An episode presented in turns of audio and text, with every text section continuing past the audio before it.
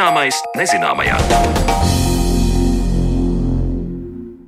Esiet sveicināti raidījumā Zināmais nezināmajā. Ar jums kopā esmu es Sandra Kropa, un šodien mēs pievēršamies kādam ļoti interesantam tematam - inženieru radītiem risinājumiem, kas noderīgi ir gan kosmosa nozarē, gan drošībā un aizsardzībā. Rīgas Tehniskās universitātes pētnieki radījuši pārklājumu, kas ļautu izturēt augstas temperatūras gan bezpilotu lidaparātiem, gan kosmosa kuģiem. Pārsteidzoši šis materiāls ir radīts no atkrituma vielām. Kas ir šis par materiālu, par to jau pavisam drīz runāsim studijā, bet pirms tam uzzināsim, kā pētnieki no Latvijas Universitātes palīdzēs cīņā ar atkritumiem Zemes orbītā. Ne tikai uz Zemes, bet arī tās orbītā. Atkritumi ir samilzusi problēma izplatījumā un nereti vien ir potenciāls draudz satelītu un misiju darbībām. Lai to risinātu, pasaules mērogā tiek īstenota kosmosa objektu novērošana, un tajā savu artavu sniegs arī Latvijas Universitātes astronomijas institūts. Par to vairāk interesējās Zanelāts Baltalksne. Lai arī izplatījums mums šķiet milzīgs, kurā pamatīgos attālumos cits no cita atrodas un pārvietojas planētas, zvaigznes, asteroīdi un pavadoņi, tomēr pēdējos gadu desmitos arī cilvēks ir ievērojami piepildījis kosmosa telpu ar saviem būvētajiem objektiem. Tiesa, te gan ir runa tikai par Zemes orbītu, kur jau šobrīd darbojas ap 7000 strādājošu pavadoņu. Un daudz vairāk ir to pavadoņu, kuri savu darbību ir beiguši un turpina atrasties orbītā. Tos var dēvēt par kosmiskajiem atkritumiem, un līdzās tiem šo atkritumu rindās vēl var arī pievienot citas kosmisko aparātu detaļas, kas nekontrolēti riņķo ap Zemi un traucē tiem kosmiskajiem aparātiem, kas tur darbojas. Pat no kāda kosmosa kuģa atlupis krāsas gabaliņš var būt traucējošs sniegs kosmosā ja nekļūdos, 2017. gadā vienā no Eiropas kosmosa aģentūras Sentinela sērijas pavadoņiem saules baterijās trāpīja ļoti neliels tāds, nu, arī gruzīts, varētu teikt. Tas izveidoja apmēram 15 centimetrus lielu tādu bojājumu. Un to pamanīja tikai tādēļ, ka kritās spriegums, ko ražo saules baterijas. Ja, un sāka skatīties, kur tur varētu būt cēlonis, un kamera, kas bija uz kosmiskā aparāta borta, parādīja, ka tur ir. Un tā, tas attēls arī tika publicēts. Tā stāsta Latvijas Universitātes astronomijas institūta direktors Kalvis Salmiņš.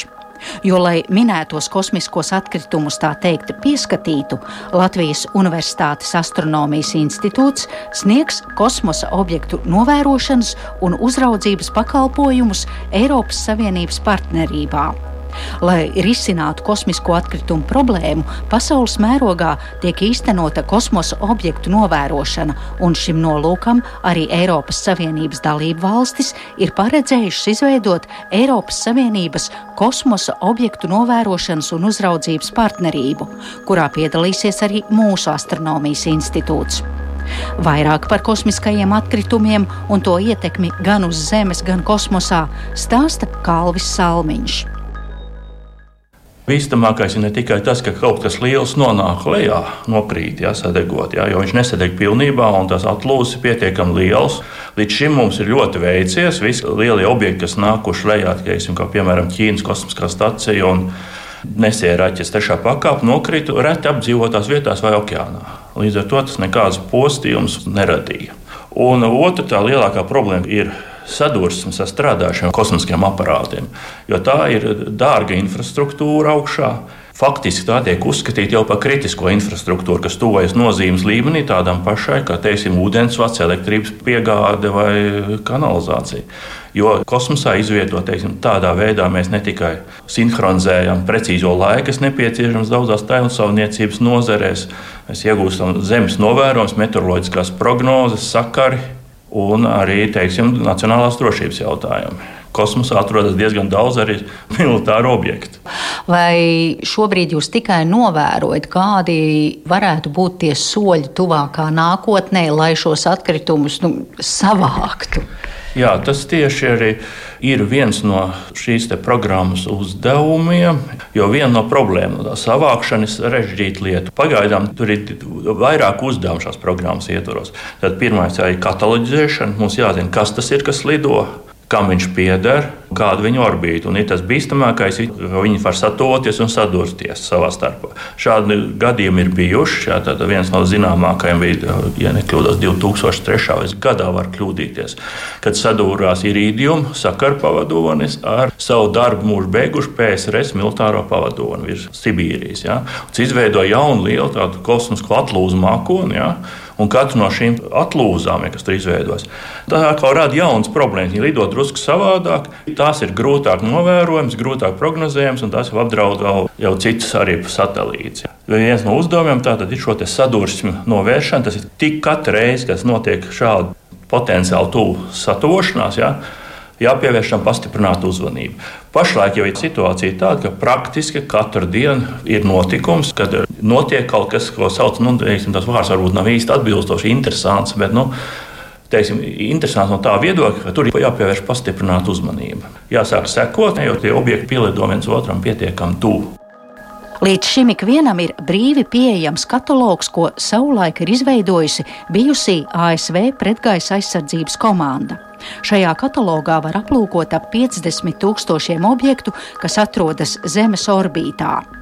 Un tagad arī Eiropas Savienības dalību valstis plāno izveidot līdzīgu katalogu, kurā būs uzskaitīti minētie kosmosa atkritumi, lai tagadējo Zemes mākslīgo pavadoņu operatori un īpašnieki būtu informēti, kas tuvojas viņu pavadonim un vajadzības gadījumā varētu veikt izvairīšanās manevrus. Tā skaidro Kalvis Salmiņš.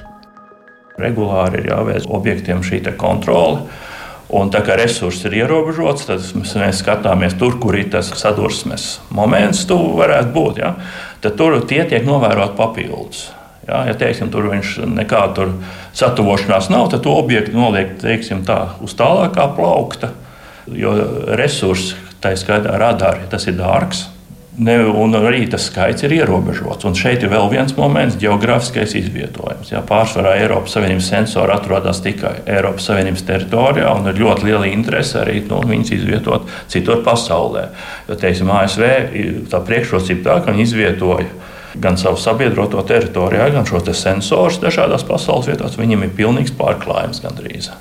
Un tālāk, ja tur nākamie servisi jau ir tādi, ka, kad notiek iešana atmosfērā prognozē to, kurā vietā. Ja, tur ir arī tāda termina kā kosmiskā satiksme.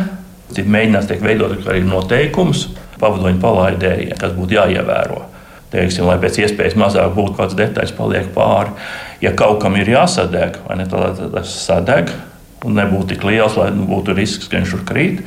Un, ja gadījumā nāk kaut kas liels lejā, ja, tad tur faktiski tiek saiti arī civilo aizsardzību. Jo tomēr, lai arī tas iespēja ir ļoti maza, bet tomēr tāda ir. Ja kaut kas liels pēkšņi nāk, nu, teiksim, Eiropas, kas salīdzinoši blīvi apdzīvot, nu, tad tur tomēr būs jāveic piesardzības pasākumi. Risks tas nav tik liels, ja, bet tomēr labāk būt sagatavotam nekā ka tu pārsteidz nesagatavot. Vai es zīmēju tuvākās nākotnes prognozes, ka tāpat, ja mēs tagad runājam par um, transportu šeit uz planētas Zeme, ka ir eh, dažādi ierobežojumi, lai nebūtu izmeši un atstātu mazāku ekoloģisko pēdu, tad tāpat arī tas ir kosmosā. Ir un nu, būs. Nu, jā, tieši tāds paralēls. Nu, vienkārši ievērot nu, tādus pasākums, lai nevairotu šo nevajadzīgo objektu, kas riņķo ap zemi. Ja, nesiraķets pēdējā pakāpē vēlams ir, lai viņi sadeg. Pavadoņiem tālāk, teiksim, tas variants ir viens. Kad viņš beidz savu darbu, mūžu viņam atstāja tieši lieliem pavadoņiem degvielas rezervi, kas viņu pārvieto citā orbītā, lai viņš netraucē citiem, kurš arī nav risks, ka viņš tuvākā laikā nonāks uz Zemes vai arī variants B, ne, ka tiek organizēta tā sadegšana vai nogādāšana lejā uz zemes ar citu paudoņu palīdzību. Un šeit ir tas viens no kur mēs plānojam arī eventuāli piedalīties. Ja tiek veikti eksperimenti, kādā veidā teiksim, šo te pavadoņus, kas ir beiguši savu darbu, viņš vairs nav kontrolējams. Ja, teiksim, viņi ir pietiekami lieli, ja tas mikroautobusu lieluma objekts, kuram tad ar speciālu pavadoni teiksim, pietojās savienojās, un tālāk abi kopā ir variants, ka viņas mēģina ievirzīt atmosfērā tā, lai viņas sadeg virs neapdzīvotas vietas, vai arī kaut kur dabūt tālāk prom. Un nākamais solis, lai varētu šī satuvošanās notikt, mums jāzina, kā šis pavadonis uzvedās. Jo tad, kad pavadonis savu darbu mūžu beidzis, līdz ar to viņam vairs kontrols sistēmas nestrādā, sākās tāda kā rotācijas kustība, viņš sāk griezties orbītā. Un to var redzēt pēc aspožuma izmaiņām. Un mēs no Zemes to novērojot, mēs varam mēģināt saprast, kā viņš rotē, cik ātri un kāda orientācija. Un tas ir ļoti būtisks satošanās brīdī. Jo tur nav tā kā uz zemes, kad iespēja, ka teiksim, mēs varam tur brīvi manevrēt, ja nevar tur, teiksim, nu, piemēram, pēc ja automobīls iebraucis grāvī, ja tur nevar no vienas puses, var mēģināt no citas puses. Ja, tur tādas iespējas nav. Tur satošanās manevri ir sarežģīti, un šī informācija par to, kā šis objekts uzvedās, ir nepieciešama. Un tas, ko mēs varam, viens no mūsu piedāvājumiem, pie kā mēs arī strādājam, jā, ir tas, ka mēģināt šādu objektu orientācijas parametru noteikšanai. Un otrs, ko mēs eh, šajā kontekstā, tas ir ar lāzeru lokāciju. Ja šis pavadonis ir aprīkots ar speciāliem atstarotājiem, mēs arī varam precizēt tā orbītu. Tas ir tas otrs, ko mēs varam piedāvāt šajā konsorcija ietvaros, ja, kas veidojas. Es vēlos uzsvērt arī to, ka mēs neesam tās primārais servisa nodrošinātājs, ja, bet mēs varam spēlēt iespējams diezgan nu, redzamu lomu teiksim, gadījumos, kad notiek šāda eh, satošanās. Bet to sadursmi var kontrolēt vai nevar. Viens, es saprotu, var monitorēt, bet tas, viņš jau ir diezgan neatkarīgs. Tas pavadonis, kas ir beidzis to darbu, un viņš tur tā nekontrolēti. Nē, tur, ja teiksim, pavadonis ir strādājošs, ja, tad var vairumā gadījumā ir iespējams nedaudz korrigēt orbītu. Teiksim, kosmiskā stacija, kas ir nu, pats lielākais viens objekts pašlaik orbītā, tā ir regulāri piegādāta no Zemes degviela, un viņi regulāri veic savas orbītas korekcijas. Arī lielākiem pavadoņiem, kā likums, ir nedaudz degvielas, ja, teiksim, porta dzinējiem, kas ļauj viņiem piekoreģēt orbītu, teiksim, Eiropas kosmosa aģentūras sentinela pavadoņiem, laiku pa laikam veids manevru, ja, ka viņi pielabo savu orbītu. Un uh, tas tiek izziņots arī, vai ne? Tad atkal tie, kas rēķina, vai ne, un viņas novēro, vai veic mērījumus, to ņem vērā. Ja cilvēki tagad klausās, jūs pieminējat arī to atlūzu mākoni, nu cik daudz jau tas atmosfērā ir un ko visas tās sadegšanas, ko tas atstāja kādu iespaidu uz mūsu planētu? Sadegšana, ja kaut kas tiešām liels nenonāk lejā, praktiski nekādu iespaidu neatstāja. Uz Zemes tāpat nepārtraukti krīt mikrometeorīti, meteorīti, ko reizēm tās lielākos mēs saucam par zvaigžņu lietiem. Katru brīdi uz Zemes nāk klāt nedaudz masas, ja, kas nāk no kosmosa. Un pie tam daži no tiem ir ļoti lieli, pat, kas ir salīdzināmi ar lieliem sprādzieniem. Ja tas nav kā visu laiku mazu objektu no kosmosa. Nāk. Šeit eh, es runāju par dabīgiem objektiem, nevis pavadoņiem. Un tādi ir daudzi. Mums ir veicās tikai to, ka Zeme patiesībā lielākā daļa ir neapdzīvoti. Ir okeāni vai ne, arī sauszemes teritorijas. Ne visas ir vienlīdz blīvi apdzīvotas, un mēs to vienkārši neredzam. Bet tādu notikumu ir diezgan daudz. Latvijas Universitātes rīcībā ir satelītu lāzeru lokācijas teleskops un aparatūra, kā arī ilgadīgi uzkrāta pieredze, kas ļauj sekmīgi piedalīties kosmosa objektu novērošanā. Un līdz ar to tagad arī Latvijas Universitātes astronomijas institūta darbinieki sekos līdzi kosmiskajiem atkritumiem, paredzēs to orbītas un tādējādi varēs novērst sadursmes ar tiem. Tik tālu par atkritumiem, kas riņķo ap zemi un centieniem tos uzraudzīt un novērot, bet turpmākajās minūtēs pievēršamies mūsu inženieru radītiem risinājumiem kosmosa nozarei.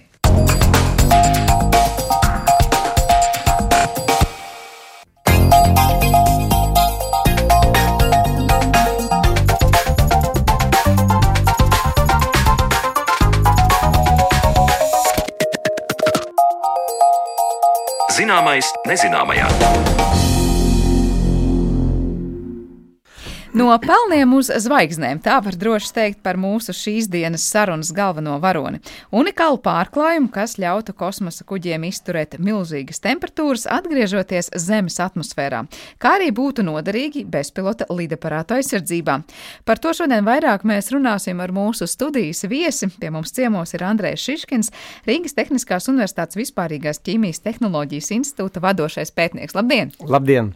Mēs pirms kāda laika šajā raidījumā ar jums runājām vēl par kādu ļoti interesantu lietu, proti, ka uh, ideja bija no kafijas biezumiem, atkritumiem, var teikt, veidot kādu interesantu kurināmā veidu. Šoreiz esam aicinājuši runāt arī par ļoti interesantu veidu, kā tikt pie pārklājuma, par kuru, saprotu, interesi ir izrādījis arī Eiropas kosmosa aģentūra. Pastāstiet, kas tas par pārklājumu, no kā veidots un kam tad domāts? Uh, jā, nu, vispirms kāda sakars kafijas atkritumi un ar jauniem materiāliem un jauniem tehnoloģijām. Droši vien tad viss domā, jā, un prasa, kur ir kafija atkritumi un kosmosa tehnoloģijas. Nu, tas ir īsto zinātnieku sāls pētīt, uzdot jautājumu, kā, kāpēc un kā var izveidot kaut ko jaunu. Pašā sākumā. Mm, man pētījuma virziens bija otrreizēju resursu liederīga izmantošana, ja, un tas, nu, uzreiz saistīts ar atkritumiem, ar kafiju, bet paralēli. Kā pētot šo virzienu, attīstot šo virzienu, es saskaros ar tādu interesantu materiālu, kā viegli pelni. Un tiem sastāvdaļa tas ir keramisks dabas mikrosfēras. Uh, diezgan interesants materiāls. Es uh, jau sāku to pētīt kaut kādus 7, 8 gadus atpakaļ, un ar laiku nonācu pie, tā, pie tāda secinājuma un izmēģinājuma, ka tas var būt ļoti viegls, termiski izturīgs uh, materiāls.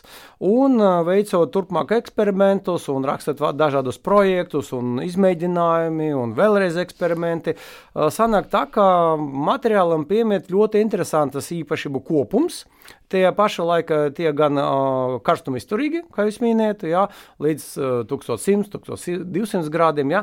Tā ir paša laika viņi ar, viņam raksturīgi ļoti zemes blīvums. Tagad ir ļoti viegli. Ja? Nu, viegli, jā, jā, tā pārsta valoda ļoti viegli, jā, bet uh, pareizi teikt zem blīvuma. Jā. Tas ir ļoti aktuāli visam, kas kustās. Uh, tā kā kad sāk kustības, mēs uh, patērām enerģiju, jebkura, veida. Ja?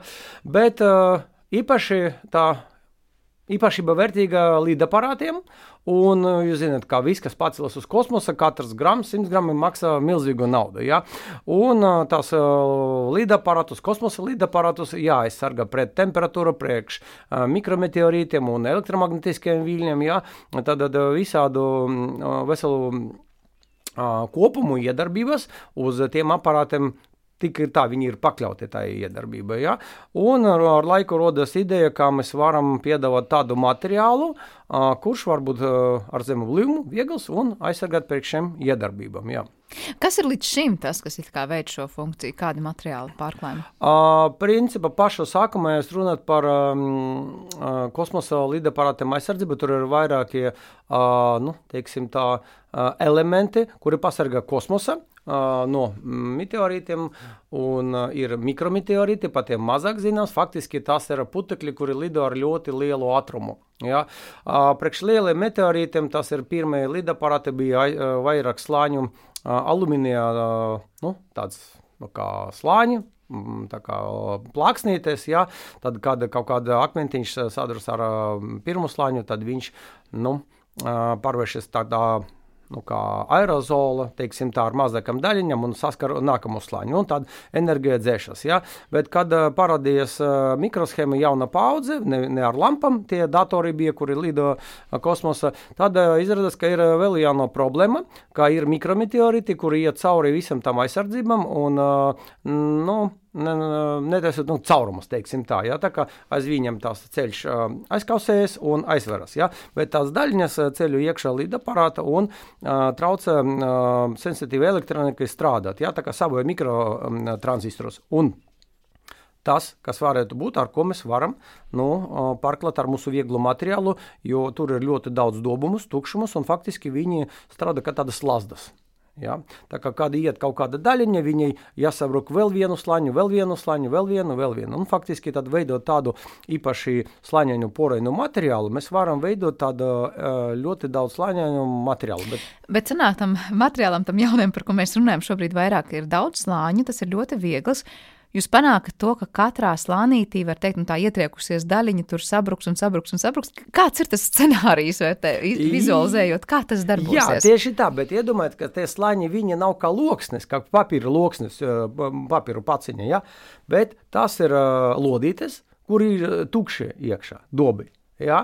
Un viņiem ir vairākie slāņi, un kad uh, ielidoša kaut kāda daļiņa, ja mēs runājam par mikrometeorītiem, piemēram, ja, tad viņi uh, sadros ar vienu uh, slāņu kopumu, kur ir mikrosfēra un viņam tās sabruktas slāņas. Bet kāpēc viņš neiziet cauri tas, kas ietriecās materiālā, piemēram, uzreiz visiem tiem slānīšiem un lodītēm?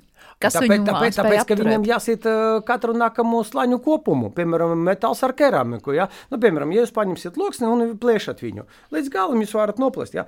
izgrieziet pats pa vidu caurumu, tātad plaisa iet, apsteigts, tāpēc, ka ir Materiāla nav, un jums jāpieliek vēl jaunu, lielāku enerģiju, lai ierosinātu jaunu plaisu. Faktiski divi tā, kas strādā materiāla neeksistēšana dobums. Jā. Sanāk tāds, jā, bremzējošais faktors, nu, kur uzlikt pamatīgs bremzes. Nu, nu, Tas ir viens, viens variants, kā var izmantot, jā, tātad mikroshēmu pasargāšanai, bet otrais variants, tā kā tie dubumi strādā kā Siltumizolācija. Ja, kā, uh, mēs zinām, ka viszemākais siltuma pārnes koeficients ir vākuma, nākamais ir gaisam. Ja. Faktiski tas nozīmē, ka nu, mūsu parasta cilvēka saprašanā tas ir nav materiāla. Gaisa tas it kā nav materiāls, ja, un tas ir dobums. Ja. Tā kā, bet tajā pašā laikā gaisam vai tam gāzam nevajadzētu ceļot caur to materiālu, plus cauri. Ja? Tad faktiski tās daļiņas, kuri dobī iekšā, iekapsulēts uh, gaisa, īstenībā tur ir gāzes, gāzes maisījums, ja? kuri, nu, it kā slāpes siltuma pārnese. Ja? Tātad parādās vēl viens materiāls, materiāla īpašība, tātad zema siltuma pārnese. Bet, ja mēs runājam tagad, no kā tās pašas bumbiņas lodītas sastāv, tad es saprotu, tas ir keramikas pelni. Ja nu, jā, tas ir ļoti. Kas tas īsti ir? No, kā, no kādi, kādiem pelniem veidoti? Sadedzināta akmenogļa, ogle, lielas kurtuves, krāsnes, ja, viņš tur tika padots putekļu veidā, ļoti sasmalcināts. Ja. Un notiek tāda interesanta parādība, ka akmenogļa ļoti ātri sadeg, tā ir krāsni iekšā ļoti augsta temperatūra, nu, 1200, 1300, un faktiski tie pelni kaut kāda daļiņa no viņiem kūst un lido šķīdra veidā. Un tā kā viņa faktiski ir, nu, kā gravitācija, protams, iedarbojas, bet viņi tur, nu, it kā kārais gaisa, teiksim, parasta valoda. Ja? Tātad viņi, daži no viņiem uzpūt, un tā kā viņi, nu, ir gaisa, viņam veido, viņi veidojas tā kā nu, burbulis kurš nepieskaras ne pie kā. Faktiski, un tāda veida pašā, nu, kā organizēta procesa, ja, veidojas uh, dobas sfēras, kuras sastāv faktiski no pelniem, tas ir uh, alumīnija un silīcija oksīda maisījums. Ja, viņi diezgan karstumi izturīgi, un uh, kad uh, dūmgāzi tika, nu kā, savakti, apstrādāti, tā kā pelni noņemti. Ja? Ir no tiem pelniem vieglu pelnu sastāvdaļa, tas uh, keramisks mikrosfēras. Ja? Nu, tas ir uh, zināms resurs pasaulē. Tas valsti, kuri dedzina ogli, viņam tā, tie atkritumi ir un tās resursi ir pieejams. Viņš samērā nedārgs, tāpēc mēs varam ļoti brīvi ar viņu rīkoties. nu, izmantot nu, otrreizēju faktiski. Jā, nu tas tādā ziņā tam, kam uh, ir tā vēlme dedzināt akmeņoglis, nu, piešķir kaut kādu ilgspējas, varbūt sajūtu, ka tas kaut kur nonāk kā derīgs materiāls, bet uh, pašas akmeņogles dedzināt, nu, mēs saprotam, nav īpaši ilgspējīgi un uz to tā kā iet, lai tas nenotiktu un, un, un nebūtu nemaz kaut kādā brīdī Kāds šis aspekts ieguļas tajā visā? Jā, sapratu, sapratu. Ne pirmā reize dzirdu to jautājumu. Sapratiet, uh, desmitiem gadiem iepriekš tie pelni sakrata milzīgos apjomos, ja, jo viņam nebija tik plaša izmantošana, nu joprojām nav. Ja. Tas ir aktuāls materiāls, interesants, izmantots keramika, cits, bet niecīgi. Es domāju, kādi daži procenti no tā apjoma, kuri ir sakrāti visādos, nu, faktiski tādu pelnu ezeros, ja, uh, gan Ķīna, Indija, nu, arī, protams, Krievija. Ja, varbūt, es zinu, kā kur Polija bija, jo Polija arī aktīvi dedzina ogles, bet tas atkarīgs no tas krāsni, no tām tehnoloģijām, kā sauc, bet, nu, piemēram, Indija un, ar, un Ķīna, tur ir milzīgi krājumi, tās mikrosfēras, un faktiski, ja šodien viņi apstāja ja to vispār uz nulli, to ogļu dedzināšanu, bet tas nav iespējams, ja, tās resursus ir ļoti daudz. Tas nozīmē, ka kaut vai gadu desmitiem dedzinātās ogles pelnu li fāzē joprojām ir derīgas šim materiālam? Jā, jā, jā tas ir uh, netoksisks, uh, daba nesadalāms materiāls. Faktiski mēs varam viņam salīdzināt kā smilts, bet tikai smilts, kurš peld ūdeni. Ja. Bet šobrīd tādi pelni, tātad jūs teicāt, ir šie ezeri konkrētajās teritorijās, kur tā dedzināšana ir bijusi intensīva. Uh, tas ir derīgs tajā brīdī, tiešām materiāli tālākai izveidē, vai jūs teiksiet, varbūt nē, tas, kādi tie pelni šobrīd ir kaut kādos ezeros, ir vēl tur, es nezinu, jātīra, jāpārstrādā, tiem jāpiešķir jaunu dzīvi. Um, es uh, saku ar to materiālu, tāpēc, ka viņš bija ļoti, nu, kā viegli pieejams, ja, es izpētēju vairākus variantus no tiem materiāliem. Uh, Bet ir attīstība, un es saprotu, ka tas ir atkritums. Un kosmosa tehnoloģija piedāvā atkritumus, it kā interesanti, it kā zaļi, bet nu, produktam jābūt ļoti standartizētam, ar ļoti uh, precīzam īpašībām, kuri nemainās laikā. Ja? Un uh, mums jau vairākus gadus iet sadarbībā ar grieķu kompāniju, ar citām kompānijām, kuri ražo uh, keramiskas mikrosfēras ar speciālām īpašībām, ar speciālu izmēru, bet nu, to jāgatavo jaunu projektu, jo tas viss maksā uz uzreiz vairākiem. Nu, kārtiem dārgāk. Ja? Nu, piemēram, ja tur tonna bija savu laiku, es nezinu, kaut ko tūkstots dolāri, tas ir divi kubikmetri, jo ļoti zems blīvums. Ja? Tagad, piemēram, tie mikrosfēras, kuri pēc spēcpasūtījuma viņiem var maksāt, nu, es nezinu, tur, nu, 5 eiro litra, piemēram, nu, 5 reizes dārgāk, varbūt 10 eiro litra. Nu, tur jāskatās atkarīgs no apjoma. Ja. Nu, principā, ja runāt par kosmiskiem lidaparātiem, tas nav šķērslis, jo tur materiāla nevajadzētu ļoti daudz un var izgatavot no speciāli izveidota keramikas. Ja. Bet kā papildus aspekts, ir bezpilota lidaparātu aizsardzība. Nu, diemžēl mēs dzīvojam tādā laikā, kad ne visur ir miers. Ja. Kā, šis kā... darbotos uz droniem? Jā, ideja tāda, mēs tagad realizējam projektu, nosaukums Dukambata, angliski, jā, tā kā DIY, tas ir Direct Energy Weapon. Kas tas ir? Principā tas ir lazeri, lazeri un uh, koncentrēts vai kondensēts elektromagnētiskajā laukā starojums. Uh, kāda iedarbība? Ar elektromagnētisko lauku principu var izsist jebkuru elektroniku. Un tā kā tie lidaparāti un viss, kas, nu, tā, jā, šodien viss lido ar elektroniku, tad nu, bez tā nestrādā tā datorī. Un principā, nu, tu viņu var sadedzināt diezgan mierīgi, jā, jā, ar kondensētu elektromagnētisko lauku tu vari izšaut nosacīt. Jā. Nu, Tas no zinātniskas fantastiski jau bija kaut kur desmit gadus atpakaļ, bet eh, ASV jau ir tā saucamie karstoperi. Jā, tātad tu vari uh, bez š, viena šaujiena, bez nekā vienkārši brauc mašīna blakus, izstaro kondensētu elektromagnētisko lauku un visa elektronika nu, tā apstājas. Ja? Principā tādu pašu var būt izmantots kara laukā, un uh, tie bezpilota lidaparāti, viņi īpaši sensitīvi, un kāpēc priekš viņiem tas ir aktuāls? Ja? Tāpēc, ka viņi daudz mazāk, uz viņiem nu, grūtāk trāpīt ar balistiskiem risinājumiem, nu, tā kā ar parastu šaujumu, tā kā kaut kādiem raketēm, vēl kaut ko. Ja?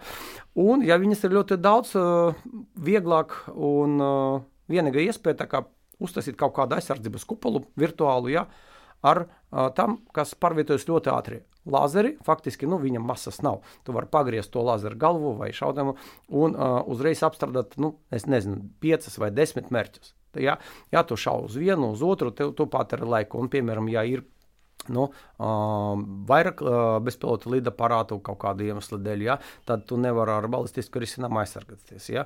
Un tad pret solis, tas ir izmantot tāda tipa, protams, ka tas ir jaunumi, kā la, lauka jau tagad, ja, bet, nu, bija tāda doma, kā pasargāt bezpilotu lidaparātu, piemēram, runājot par Ukrajinu, viņi ļoti pieprasīti, ja, un viņas jāaizsargā. Bet tā ideja ir tāda, ka šo pārklājumu pārklāja pašu to dronu vai ap to nu, dronu nu, tādu kā tāda, mākoni? Jā, id, nē, nē, nē, ideja tāda, jā, vēl viens korpus, kuram jābūt ļoti vieglam, jo ja būs piešķirta papildu masa, tas ļoti neizdevīgi, jā, un kurš, nu, var pretoties augstai temperatūrai, iedarbībai, jo kāda situācija tagad ar lazeru, tie, tie moderni lida, bezpilota lidaparāti, viņi izgatavoti vai no kompozīta materiāliem, tas ir pamatā arī ar polimēru materiāliem, plastika, teiksim tā, ja, kurš kust un aizdegas. Ja. Labi, otrais variants - alumīnijas un magnīs. Ja. Tie arī ļoti viegli kustošie metāli un sakājusējumi kaut kur nu, 600 grādus nu, līdz 700. Ja. Principā tā. Uh, un, ja tu izlaicīgi karsi kaut kāda viena punkta, principā tas ir iespējams ar mūsdienīgo elektroniku un sekošanu, programmatūru. Ja? Tu vari karsēt viena punkta, materiāls tur izkusā, sabruka, un tu nevari viņu nu, pārvaldīt to, to iekārtu, un viņa nu, nefunkcionē. Ja, ja uh, tas materiāls palīdz uh, pretoties augstai temperatūrai, nu vismaz kaut kādu pusminūtu, minūtu, tad tam lazeram ļoti liela iega nu, pazūd. Ja? Tu nevari esakot vienu mērķi, tur dažādas minūtes, kamēr viņš tur sāk nu, kaut ko uh, sabrukt. Ja? Tā tāda iega nav. Iega lazeram ir, ka, uh, nu, piemēram, līdz 10 sekundēm, nu, mēs, kā es nu, skatos, varēju tur Lockheed Martin testēt tādus lazerus, ja? Tā kā nu, kādus 5-10 sekundes vajag, lai tā polimera kompozīcija, polimera kompozīcija sāk kust un tās uh, spārnis vai, vai āste tur nu, brūknost. Jā. Tad sanāk, ka šis materiāls ļautu nenošaut to dronu, piemēram, nu, ārā vai nesadedzināt, no, ja tas mums, ir pārklāts ar to materiālu. Jā, mums ir tāda ideja, mēs tādu ideju projekta aprakstījām, piedāvājam, vērtētāji pozitīvi viņu novērtē, un mēs tāda mūsu komanda realizējam tādu materiālu uh, izgatavošanu, sintēzi. Jā. Bet tas ir tādā starptautiskā mērogā atzinību guvis. E, nu, vērtētāji, kā es zinu, bija starptautiska līmeņa, ne, ne vietējā, tad eh, nu, varam teikt tā. Mēs eh, strādājam ar ārzemju partneriem, eh, lai rakstītu jaunus projektus, ja, jo, kad bija tikšanas ar Eiropas kosmosa aģentūru, mēs parādījām materiālu, bija ļoti īsa prezentācija, bija tā kā tikšanas vien pret vienu, ja, viņam ļoti patika tas materiāls, un viņi redza, ne, nu, protams, ne militāru pielietošanu, bet, nu, civilu kosmosa, piemēram, augsta temperatūra, tādi vairogi lidaparātu aizsargšanai. Uh, tad var teikt, citi citās valstīs pie tāda nav strādājuši līdz šim. Tas ir tāda nu, jauna ideja un pilnīgi jauns pavērsiens. nu, tādi vairogi, es domāju, ka laikam izgatavoti, bet no tāda materiāla es pagaidām nu, tā neredzēju. Protams, ka ir vismodernākie pētījumi un sasniegumi, viņi nav publicēti. Nu, protams, jā, par tiem mēs arī nedzirdēsim. To, to, ko es lasīju, redzēju, nu, pagaidām Vien pret vienu tādu materiālu nebija. Jā. Nu, Bet šis materiāls ir daudz sološs tieši tā sava viegluma dēļ un izturības. Plus uh, augsta temperatūra uh, izturība. Jā. Kā notiek šobrīd? Kurā stadijā jūs esat izņemot to, ka citi eksperti ir izteikušies diezgan pozitīvi? Kas notiek tālāk? Kāds ceļš ir ejams, lai tiešām nu, tie droni jau tiktu ar šādu materiālu? Nu, protams, izveidot? ka vajag veikt um, lauka, tā saucamā lauka izmēģinājumi. Ja? Mums nav ne elektromagnetiska liela gabala, ne, ne lazera. Tad, principā, mūsu projekta ierakstīts tāds mērķis izgatavot um, vienu testa plaksni. Pagaidām mēs ejam ar diezgan tādu nu, eksperimentālu un varbūt pasmagu ceļu. Mums vajag jāizgatavo ļoti mm, daudz maziņus fragmentus, lai saliktu to pazlu un izgatavot vienu tādu plāksni. Bet pagaidām iet eksperimenti, lai optimizētu uh, izgatavošanas parametrus. Tātad temperatūra, laiks, nu, tā saķerināšanas temperatūra. Ja. Galu galā būs viena plāksne, kuru testē uh, kaut kādi citi kolēģi.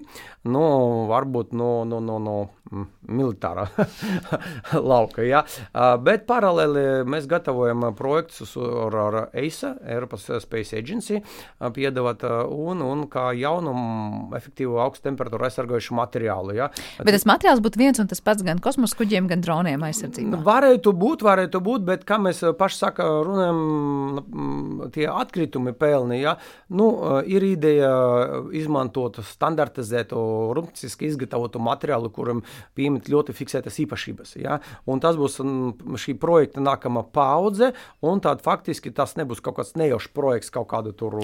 Kur, Bet, eh, bet sanāk, ka tajā brīdī jūs vairs neņemsiet tā kā atkritumus, tos, kas ir palikuši pāri, jūs paši rūpnieciski ražošiet. Ziniet, atkarīgs no pielietojuma. Piemēram, tie vairogi vai tās aizsardzības plāksnes var būt, var būt izmantoti arī kuģos. Ja?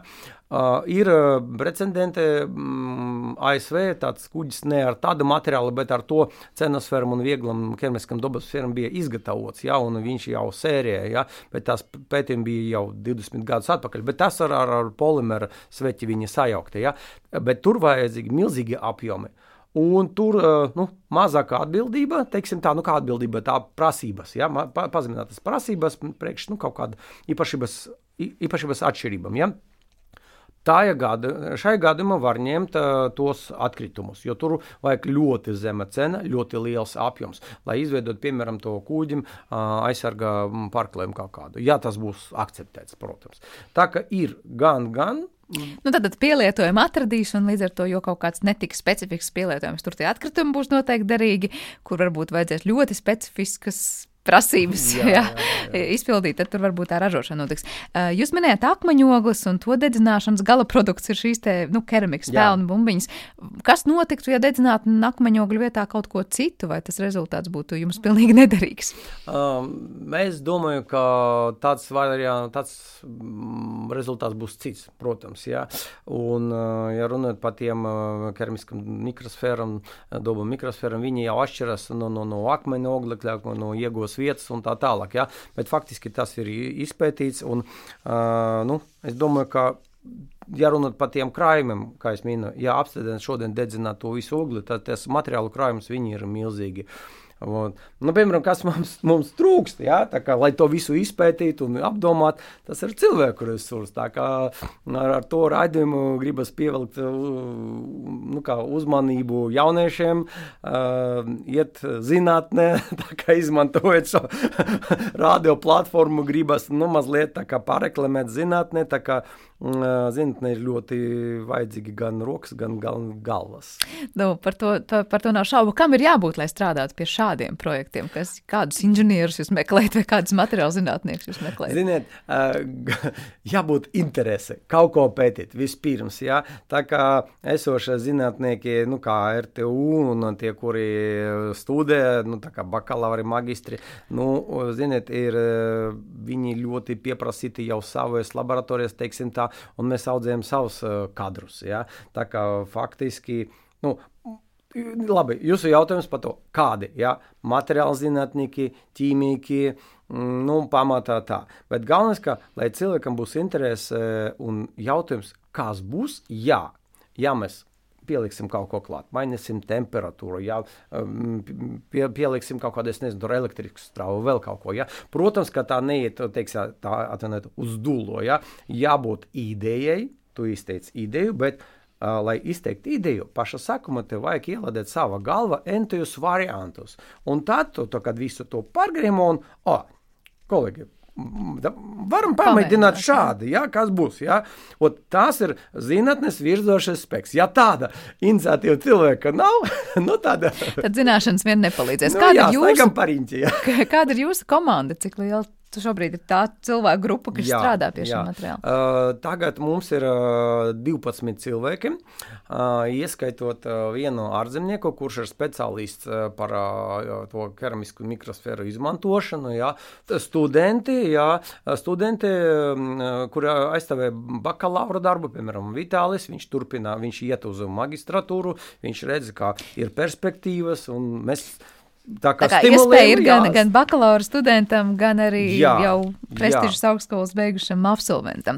Uh, tas, kādas reakcijas pasaulē, es nezinu, šīs idejas ir, ir, ir izraisījis, kādi ir tālākie soļi, tāpat Eiropas kosmosa aģentūra šobrīd viņi gaida to plāksni kaut kādu, kas tiks konkrēti pārbaudīt, vai viņiem pietiek ar konkrētiem rezultātiem laboratorijā, es nezinu, temperatūra tāda, apstākļi tādi, ražosim to un to. Uh, kur ir tas gala produktu šobrīd? Jā, nu, teiksim tā, pa projektu mums ir gala rezultāti. Tas ir pētījuma rezultāti, kuri apkopoti zinātniskas rakstos. Tā kā faktiski tas ir ļoti rūpīgi sagatavota atskaite, kuri iziet, uh, kā, kad tu publicē žurnālā, ir tā saucami revieweri, kuri pārskata, uzdod savus jautājumus un norāda kā, kaut, uz kaut kādiem neprecizitātiem. Tas ir zinātniskais raksts, tas ir nu, augsta ranga zinātniska tehniska atskaite.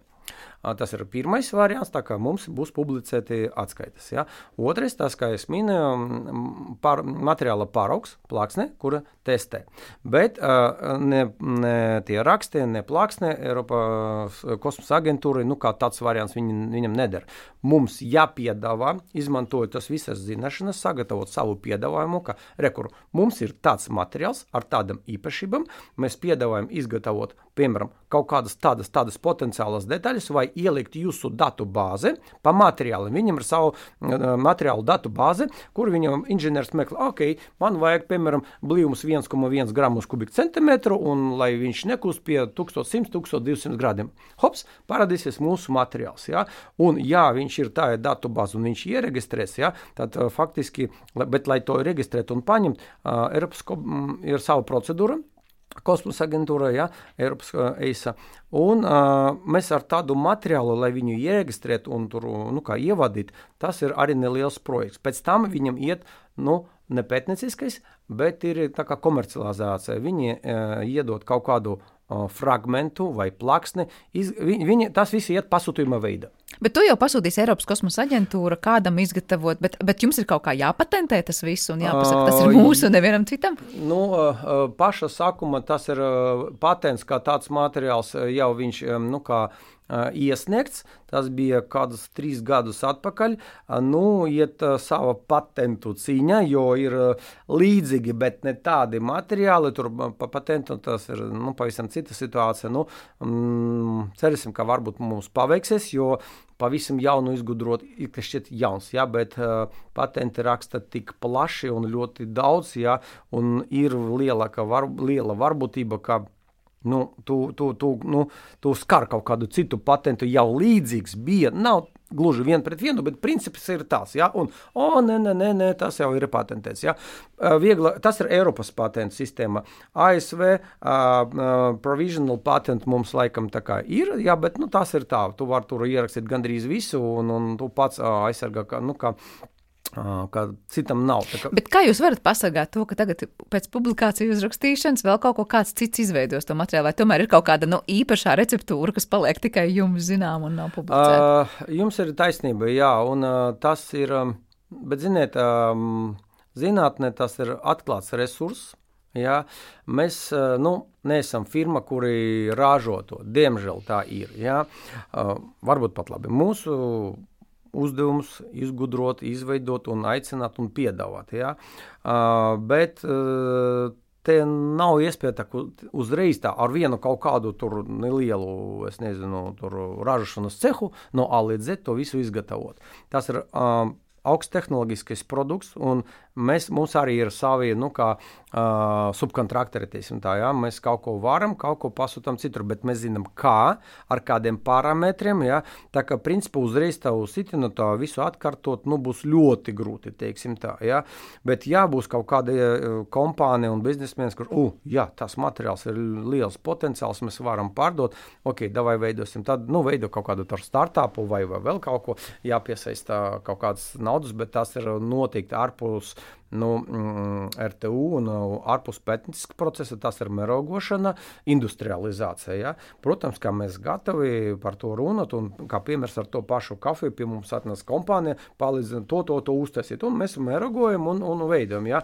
Bet pašā sākumā jābūt pievilcīgam īpašībam pierādīti. Ja? Publikācijas ir open access uh, dati. Ja? Brīvi pieejami.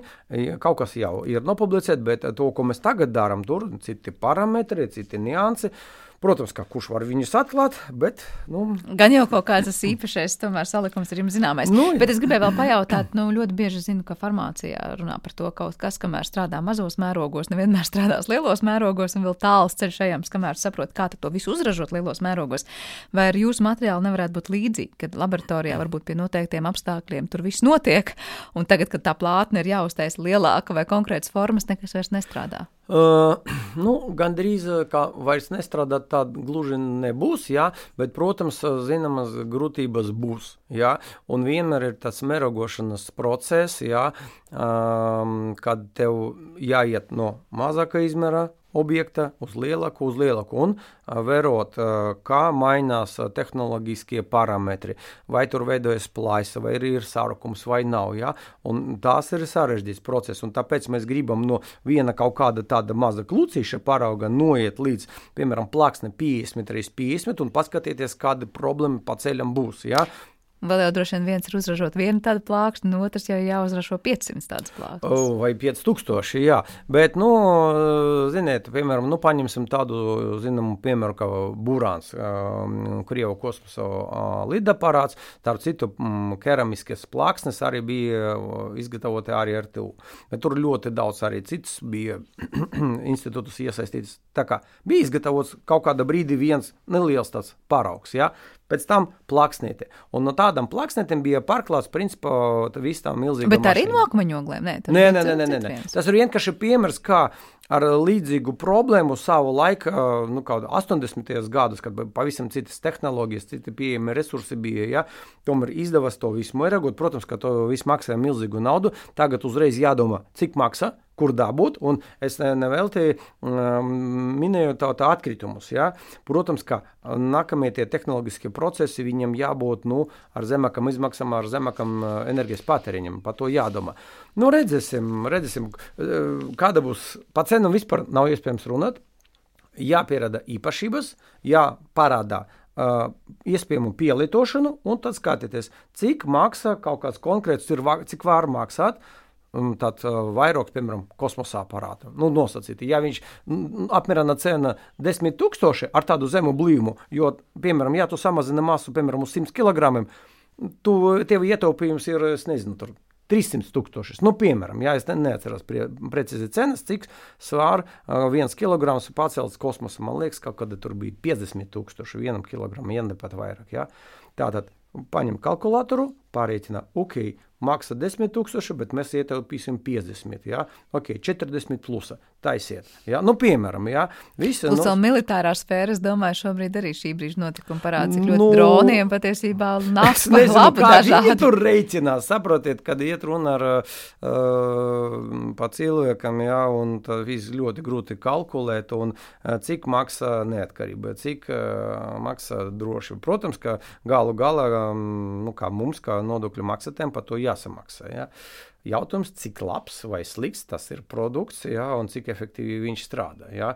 Nu, piemēram, nu, labi, negribas par to runāt, bet, nu, principā ir zināms, ka ne visas raketes nu, izšauja, ne visi bija palaisti. Nu, piemēram, runāt, nu, labi, pa kādas puses nerunāsim. Ja.